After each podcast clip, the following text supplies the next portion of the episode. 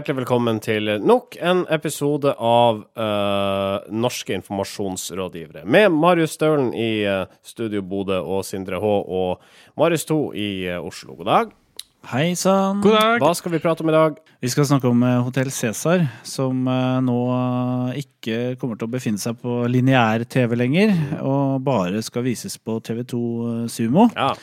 Uh, det er jo kjempetrist. Nei da, det er ikke det. Det har jo holdt på 18 år, da. Uh, på samme, samme, på samme hva skal jeg si, slott på TV 2. Ja. Nå er det slutt. Nå er det slutt. Og 1930-slåtten, den skal, da skal det skvises inn noe, noe annet. og tv2.no, de, de, de, lurte meg litt. jeg fikk jo hjertet i halsen, fordi de hadde en sånn Facebook clickbait-post hvor de skrev 'Hotell Cæsar tas av TV-skjermen'. Og det jeg ikke hadde tenkt over, var at de hadde spesifisert TV-skjermen. Så jeg gikk inn på saken og var sånn shit, skal de legge ned TV-skjermen? Nei, nei, de vil bare flytte den til PC-skjermen. Det er litt rart i og med at de sannsynligvis kun har eller seere som ikke bruker TV2 Sumo, men kanskje dette er en sånn smart greie fra TV2 for å faktisk flytte gamle folk over på TV2 Sumo? Det høres jo litt sånn bak frem ut. Altså å flytte de eldre seerne over på TV2 Sumo.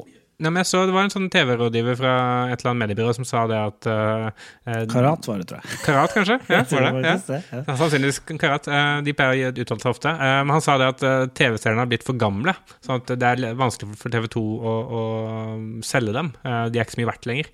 Så de trenger liksom nye, yngre, freshere øyne inn i den slåtten der. Men det er litt interessant at de er så gamle, for lederen i Hotell Cæsar sin fanklubb han er jo ser ut som han er 15 år. Stian Nandrup. Han sier jo at folk flest er i harnisk. Noen takler det bedre enn andre. Du sier han ser ut som han er 15 år. Hvor gammel er han? Jeg vet ikke, for det, kommer ikke frem uh, i saken uh, som jeg leser, intervjuet med han. Nei. Men uh, han, ja, han er da leder i fanklubben, rett og slett, og syns jo dette er forferdelig. Uh, ja, hvorfor det, egentlig? Altså, for, hvorfor det? Altså, det skal over på Sumo, det skal jo fortsatt eksistere, da. Ja, det skal det. Uh, de har, har, vel ikke lyst til å betale for TV2 Sumo, da. Det, det skjønner jeg jo for så vidt. Uh, jeg er veldig redd for Når de har gratis TV2. Men da er, så, da er, de jo mer glad i gratis TV enn de er i Hotell Cæsar. Ja, de er glad i gratis Hotell Cæsar, da. Ja. Uh, ja. Men nå skal jo TV2 de skal jo produsere 50 nye episoder, da. Så det er jo ikke sånn at de, det er jo ikke sånn at de legger ned som, altså det, men, men, de stuler litt bort det hjørnet, da. Ikke ja. sant? Det er litt inn på ja. Jeg tenker bare at hvis, hvis, du har vært lojal til Hotell Cæsar så lenge, så er du så avhengig at du følger dem eh, hvor som helst, eh, om det er til, eh, på nett eller på papiravis eller hvor det enn ender opp, så, så følger du Hotell Cæsar. Det er litt sånn som når, de, ikke sant? når dealerne og de narkomane ble jagd fra Jernbanetorget, så gikk ja, ja. man til Vaterlandsparken. Ja, ikke sant? De, de slutta ikke å være narkomane. De Nei, bare, ikke sant? De bare bytta plass og, ja. og dealte et annet sted. Ja, det er det TV 2 er sånn der Du, må vi rydde, må vi rydde plata her for disse folka. Sende plata. Ja, sendeplata. Mm. Uh, jeg hadde likt å se Hotell Cæsar. Altså, nå tas til, altså, Hotell Cæsar av skjermen, for så å bli ei stripe i VG. Ikke sant. Erstatte Laffen. Laffen skal sånn. flyttes. Uh... Den kan bli lang, den historien der. Ninni tar seg en kopp kaffe, mm. ser bort på Jens August. Fortsettelse neste uke. Ja. Mm. Det er sånn fantomstriper. ja. Altså, vi kan jo dra episoder utover år. Ja, ja. Oh, ta, fint. Ja. Gratis tips ifra Ja, det er redningen for papiravisa, vet du. Ja. Uh, Sindre, uh, du er involvert i en kampanje med Nirs favorittblogger, tydeligvis, Sofie Elise. Ja, det, det, er jo litt sånn tyngdekraften. På, på et eller annet tidspunkt må, man, tidspunkt må man komme dit at man uh, havner i en eller annen Sofie Elise-setting. Hvordan kunne dit. du? Altså, sånn. ja, ja, jeg trodde vi hadde noen nedfelte prinsipper her i Norske informasjonsrådgivere. vi har vel ikke noen prinsipper. Nei, vi har forstått ikke det. Nei, vi har ikke det. Altså, her, her altså, eh, altså, Hele poenget med den kampanjen var jo å sette henne i en vanskelig situasjon. Altså ja. gi henne en baby som hun i utgangspunktet ikke var uh, skulle være kapabel til å håndtere. Så jeg tenkte at det, det, det må jo være greit. Mm. Uh, å på en måte gjøre det vanskelig for henne. Er ikke det lov, da? Nå skal ikke jeg opp oppfordre dere til å se denne serien, eh, men jeg bare sier at hvis dere har gjort det, så, så får, får dere se et bilde av Sindre i episode 1 hvor han hjelper Sofie Elise bære en vogn om bord på trikk. Ja. Det var litt sånn der, vi, vi trengte en litt sånn uteliggeraktig type Hjelpsom uteligger. uh, burde burde vært i rulleteksten 'Hjelpsom uteligger' ja, nummer én. Sindre ble, ble kreditert som det. Hjertelig velkommen til NIR episode 142. Norske informasjonsrådgivere.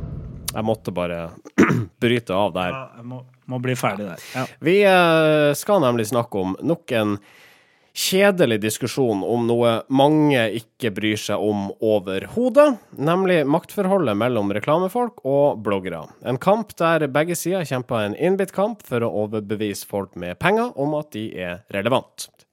Markus Lind i PR-byrået Good Morning synes det blir for tynt at merkevarer bruker kjente bloggere i kampen om oppmerksomheten til kundene. Å ta en Sofie Elise er enkleste veien ut, argumenterer Lind.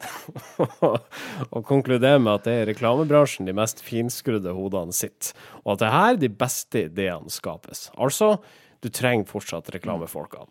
Eh, Marie Louise Alvær, landforvalter i selskapet United Screens, er uenig.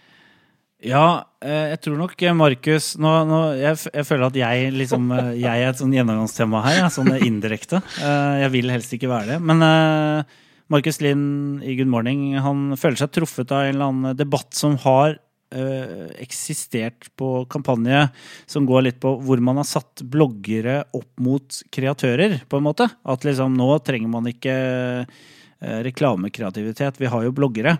Og det sier jo hun eh, Marie Louise i uh, United Screens, at det er jo ikke en riktig sammenligning. De, konkurrerer jo ikke med reklamekreativiteten, sier hun, men det er jo ikke dermed sagt at det er irrelevant å bruke bloggere for å fremme et budskap, eller la, la de være formidlere av det, og det gjør store merkevarer med suksess, sier hun. Mm og vise til at de eh, jobber med flere av disse store uh, merkevarene, deriblant Samsung og Carlsberg.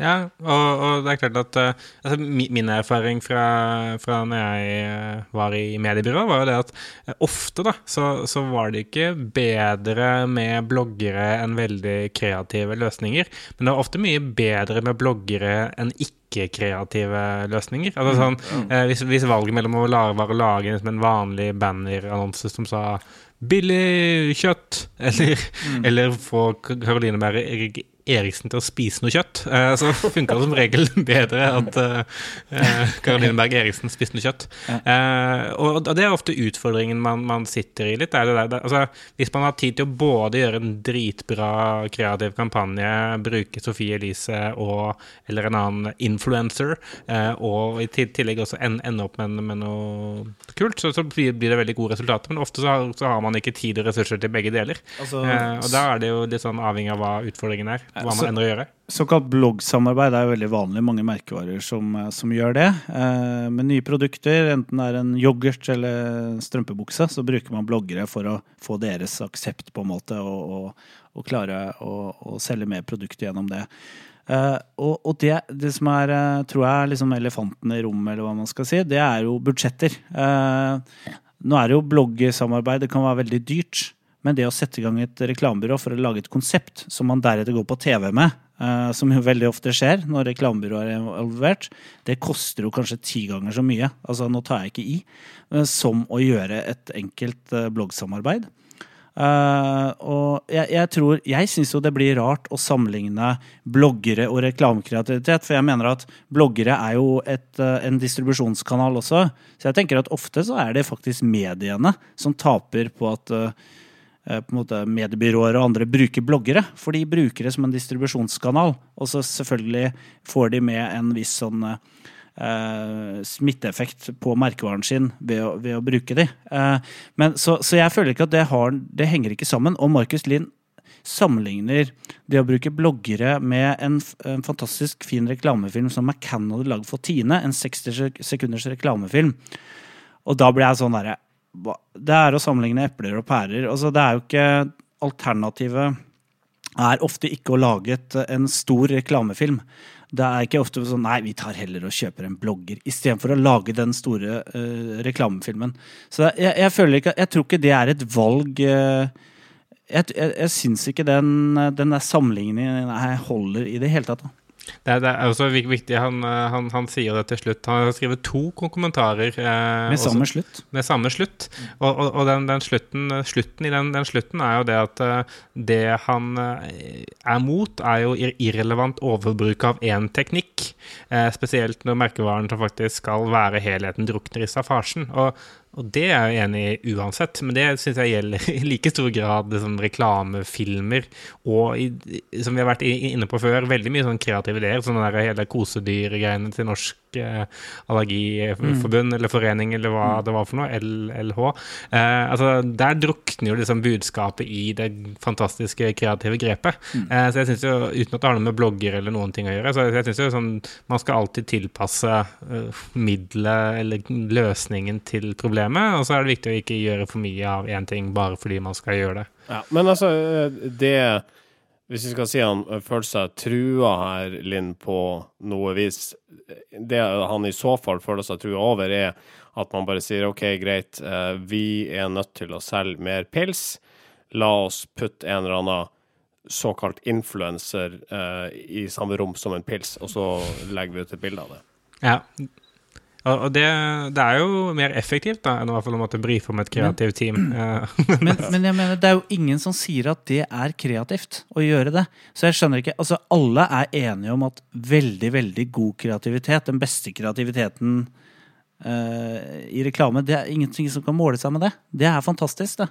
det de kampanjene er, eh, er liksom, går ikke an å, å slå, men det handler om det er ikke alltid det er budsjett eller eh, Altså, det er ikke alltid det er rom for å jobbe eh, eller bruke pengene på, på, de kreative prosessene. Og da kan en sånn quick fix med å gi en blogger en ølflaske eh, kan være hensiktsmessig. Men da er det altså de der eh, kjappe, lettjente pengene eh, reklamebransjen bare må innse at det, det mister de kanskje til noen bloggere av og til. Ja men, ja, men de lager også sånne kjøp her-plakater og, og, taktiske kampanjer. Det er jo ikke veldig spennende, det heller. Nei. Altså, Det snakker, snakkes det jo veldig lite om.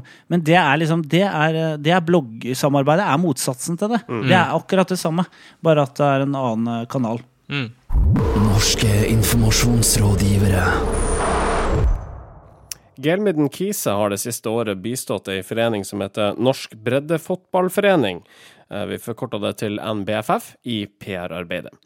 NBFFF er innbitt motstander av spillmonopolet her til lands, som Norsk Tipping da forvalter. Og nå viste det seg at Betson, som naturlig nok deler NBFFFs syn på spillmonopolet, betaler deler av regninga jobben, eh, for jobben GK gjør for BFF. ja, det stemmer. Eh, det var Bergens Tidende som eh, i helga kunne fortelle hvordan Gailmaiden Kise har hjulpet NBFF. NBFF har jo vært veldig vokal i motstanden mot Norsk Tipping, og hvordan måtte, dette spillemonopolet bidrar til finansiering av idrettsanlegg, og hvordan det egentlig er ganske sånn lokk lukket eh, system. Eh, Hans Gailmaiden sa jo til eh, BT at de var stolte av å kunne jobbe pro bono for Breddefotballforeningen, og måtte hjelpe til å bekjempe pampeveldet i idretten. Og så har det jo vist seg i etterkant da, at Betson faktisk har betalt for en del av dette arbeidet som Gelmaiden Kise visstnok har gjort pro bono for NBFF. Det er, jo, eh, det er jo, interessant hvordan, eh, hvordan bettingselskapene klarer å fremstille seg selv som, som utfordrere. Som, som, små som er på breddeidretten sitt lag. Og det er veldig smart gjort sånn PR-messig, syns jeg.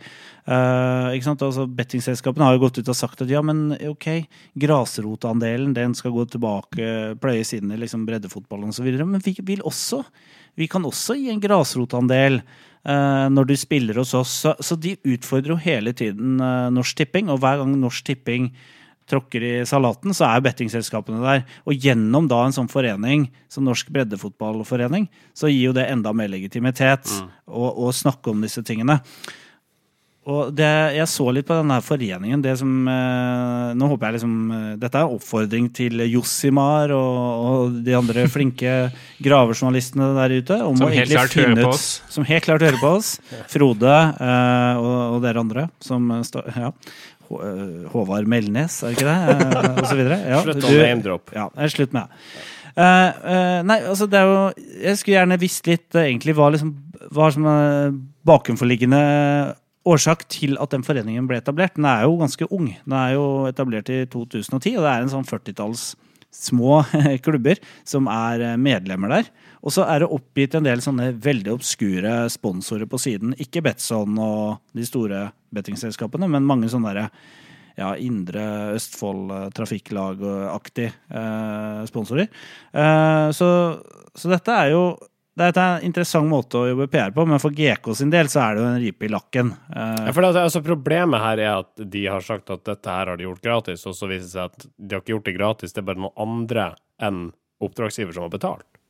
Jo, men det, det, er, det er litt sånn problematisk når uh, altså, Spesielt med tanke på at uh, Gelmøyden Kise har vært veldig sånn forfekter av dette med åpne kundelister og sånn. Og, og, og, og nå er, det ikke noe hemmelighet at uh, GK har hatt Betson på kundelista i seg selv. uh, men, men det at, at eh, Betson da faktisk betaler arbeid som man later som at er pro bono. Det, det virker jo litt rart. Altså, eh, Morten Gjørstad, som er admdir i GK, sier det at eh, vi har gjennomført mange store prosjekter for Betson de siste årene, også med samarbeidspartnere som i enkeltsaker har hatt sammenfallende interesser.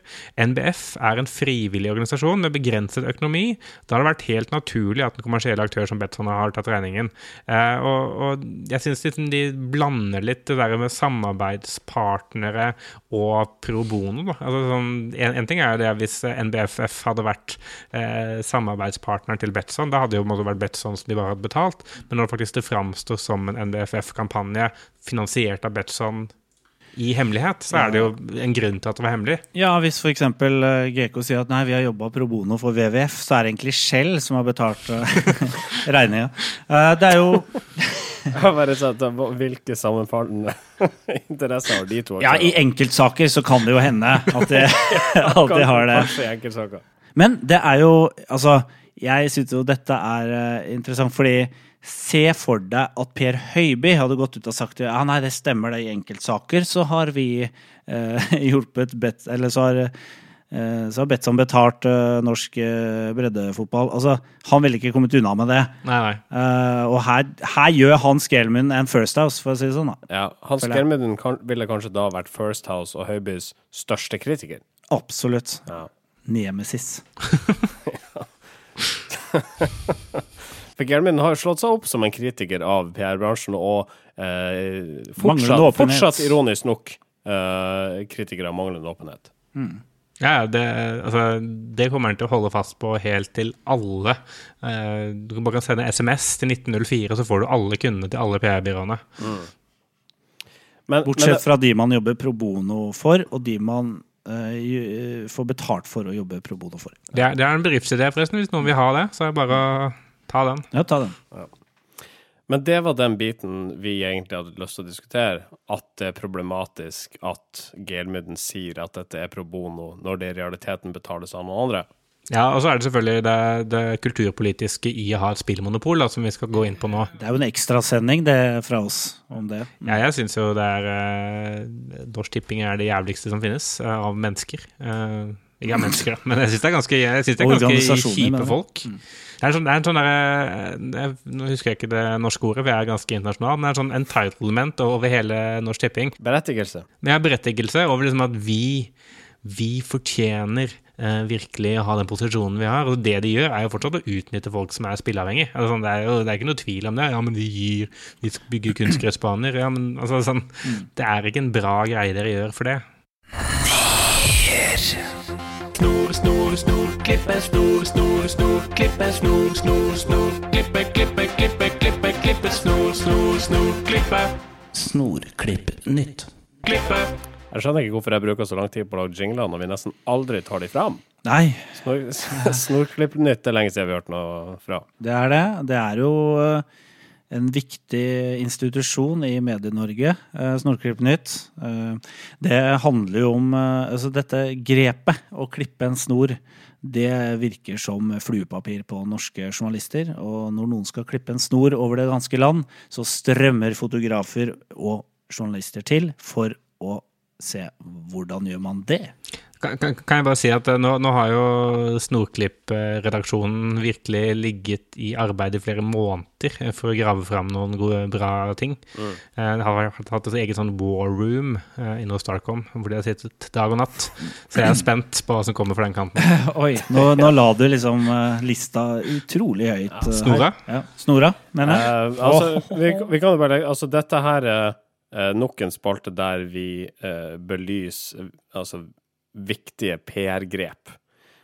Der snorklipping er en av dem. Jeg vet, jeg, men jeg vet ikke om vi gjør narr av det som PR-grep, eller om vi hedrer det som PR-grep. Eh, Litt usikker. Det, kommer, det er litt opp og ned. Men det er jo liksom den eh, Vi hedrer jo på en måte den saksa som ligger i verktøykassa, da, for å bruke et fint bilde. Jeg føler den ambivalensen eh, mellom liksom hedring og håning er kjernen i hele podkasten vår. Så Ja, I alle spalter, for så vidt. Ja, det er jo det. Folk blir ikke riktig klok på altså, Gjør vi narr, eller, eller er det med kjærlighet? Det er, eh, det er kanskje vanskelig å, å, å, å avgjøre av og til, men så, så ikke avgjør det, da. da. Altså, da er det bare sånn, ja ja, tolk det hvordan du vil. La oss, være, la oss være så tvetydig som mulig, sånn at eh, um, det går an å tolke uh, i hytte og vær. Ja. Uh, det jeg kan si er vel at det har vært eh, fire snorklippinger i februar måned. Men nå er det noe med det at eh, en, en av grunnene til at ikke Snorklippnytt er med hver sending, det er at snorklippinger har en tendens til å være litt like. Altså, det er klipping av snor. Og mer er ikke egentlig å si om det. Men eh, jeg har funnet to eh, interessante uh, klippinger i, i sjangeren. Og først skal vi til Firdaposten. eh, som eh, forteller at eh, det skal gjalle under smalsarhorn. det er jo en ganske bra overskrift. ja, det er fint. Eh, det har, de forteller det har vært litt fra, att og fram med hurtigbåtkaia i Leiregulen. Det ble kjøpt inn ei flytende lekter, men den viste seg å ikke være så godt egnet til formålet. Kystvegekspressen MS Sylvarnes kommer innom, og det blir feiende flotte marsjer servert av skolekorpset, som er kalla opp etter Heksefjellet i nordvest. Altså, det er, det er jo Altså, det er jo, det er jo det er jo dikt, ikke sant? Altså, det er jo Det, det fantastisk. Det er et sted, faktisk. Eh, og, og det som er interessant her, det er at faktisk her skal da kommunen eh, åpne en ny kai fordi at den forrige kaia var så dårlig. Al altså her De klarer da i, eh, Fordi de har en snorklipping og bløtkake, så får de da snudd noe som egentlig er en eh, egentlig en skandale. ikke sant? De har kasta bort masse penger på å bygge noe som ikke funka, som var råttent. Uh, og så er det Nei, det er snorklipping. Ok, da må det feires. Det er en festdag for kommunen. Og det er ka kaffe, og det blir også kaffe. Uh, Men hva, hva er denne gjallinga? Eh, ja, nei, det er korpset da, som er gjaller. korpset som Ja, gjaller. ja, ja, ja. Gjallekorps. Eh, så her har de ikke sant, de har tenkt ok, vi skal ha snorklipping, men vi må kanskje ha korps og kake og kaffe også. Så er vi helt sikre på at Firdaposten kommer. Og her omtaler faktisk da Firdaposten Og sånn er jo mediene blitt. De er jo mer opptatt av ting som skal skje, enn ting som har skjedd. Uh, sånn at her omtaler de faktisk en snorklipping før den har funnet sted. Og jeg så faktisk ingen dekning av selve snorklippingen. Du sa du hadde to. Ja, jeg hadde to. Vi skal til Ringerikes eh, Blad, eh, og de har eh, gjort noe som har blitt en liten Det har i hvert fall vært en tendens, vil jeg si. Kanskje det har blitt en trend. Det er nemlig det å bytte ut snorklipping med en annen type klipping. Ja, ja. Og her har vi da i Ringerikes Blad som forteller om at eh, ordfører Lars Magnussen åpnet Gausdal landhandleri på Bergermoen med motorsag. Altså han da erstatta rett og slett eh, eh, saksa med motorsag. Men hva var det han eh, saga i to? Eh, Han sagde i to en eh, sånn eh, en slags uh, eh, kubbe uh, i to. Og det passer jo veldig bra når et byggevarehus man skal åpne. Ah, det var ikke Landhandler. Jeg trodde det var Ja. sånn dagligvarebutikk. jeg. Jeg tror det også. Ja, men det er det som er litt sånn tvetydigheten her. Er- De snakker både om et eh, landhandleri og et byggvarehus. Eh, så han saga da den her planken eller den stubben over eh, med stødig hånd før et hundretalls personer slapp inn dørene til Gausdal landhandleri. Så her er et landhandleri, byggvarehus, det er visst det samme eh, på Jevnaker. Jeg, jeg har litt lyst til å se en, en ordfører som åpner en uh, ny uh, Si sånn karatehall, da. Med å sånn dele en planke i to med sånn Eller karateslag. murstein. Eller det var fint. murstein. Ja, ikke sant? Det høres da ut som en ting som på et eller annet tidspunkt har vært gjort. Altså hvis du åpner en karatehall Nå vet ikke jeg hvorvidt dette med sånn eh, murdeling er en del av karatesporten. Til det kan Det er en eh, stor del. arts lite. Men Ut Ut ifra det jeg har sett, så er det en hoveddel av karate å dele sånne mursteiner. Nei, men øh, øh, det var den øh, underfundige sporten Snorklippnytt, øh, det. Og jeg tror det er på tide at vi returnerer til virkeligheten. Norske informasjonsrådgivere. I uh, Storbritannia skjer noe som øh, nesten er uhørt i 2016. En ny papiravis ser dagens lys. Ja, The New Day er en, eh, en avis som eh, blir kun gitt ut på papir. Skulle tro det var Trygve Hegnar som eh, sto bak, men eh, det, det er noen andre. Eh, Og det er den første nye papiravisa som blir gitt ut i Storbritannia på 30 år. Det er en partipolitisk uavhengig avis, og den blir da mye billigere enn det vi er vant til å kjøpe aviser med. Så den kommer til å være perfekt til sånn fish and chips uh, i, rundt omkring i England. For nå går det jo snart tomme for den type innpakning, tenker jeg. Nå som eh, papiravisene forsvinner én etter én. Men det er ikke sånn at vi sitter her og ironiserer over at ei papiravis ser dagens lys, vel? Nei, det er jo ikke det. Eh, men det er jo det er litt sånn motstrøms, da. Ja, Nå, Eh, nå er må jo- mediene skjerpe seg. Ikke sant? Nå er de utdatert, forretningsmodellene er godt på stengrunn.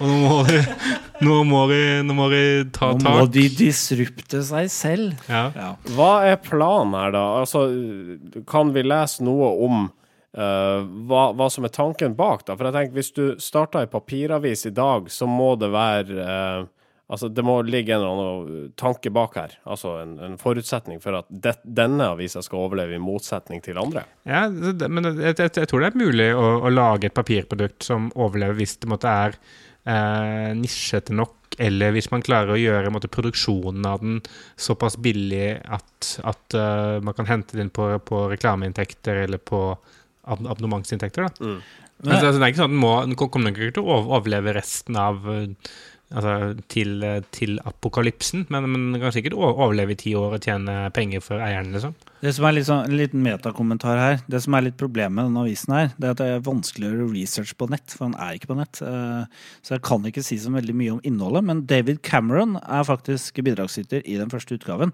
Så her har du jo klart å tromme sammen eh, toppfolk da, eh, til å bidra inn.